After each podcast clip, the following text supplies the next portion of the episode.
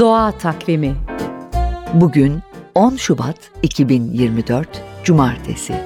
NTV Radyo iyi günler diler.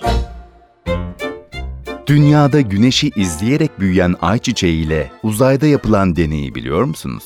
Saygın bitki fizyoloğu Alan Brown, uzay programının henüz başladığı 1960'larda şu sorunun peşine düştü. Yer çekiminin olmadığı ortamda ayçiçeğinin hareketi değişir mi? Cevap bulmak için de Türkiye'de fen otu ya da fare kulağı teresi olarak da bilinen Arabidopsis bitkisiyle uzayda yapılacak ilk deneylerden birini tasarladı. Ancak program bütçe kesintisi nedeniyle iptal edilince Brown 1983 yılına kadar beklemek zorunda kaldı. Nihayet Kolumbiya uzay mekiğiyle uzaya ayçiçeği filizleri gönderildi. Yeryüzünde güçlü hareketler sergileyen ayçiçeğinin uzayda ne yapacağı merakla bekleniyordu.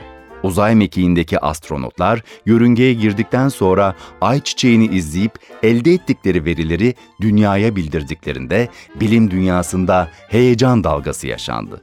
Ay çiçeği filizleri neredeyse yüzde yüz büyüme örüntüleri sergilediler. Üstelik yer çekimsiz ortamda bile dönüş hareketlerini yeryüzündeki gibi sürdürüyorlardı. Ay bu gece yeni ay. Yarınki hava durumunu tahmin etmek için ayın durumuna bakabilirsiniz. Ay berrak görünüyorsa ertesi gün ayaz olacağına, ayın etrafında bir hale, çember varsa yağmur veya kar yağacağına işarettir. Doğa Takvimi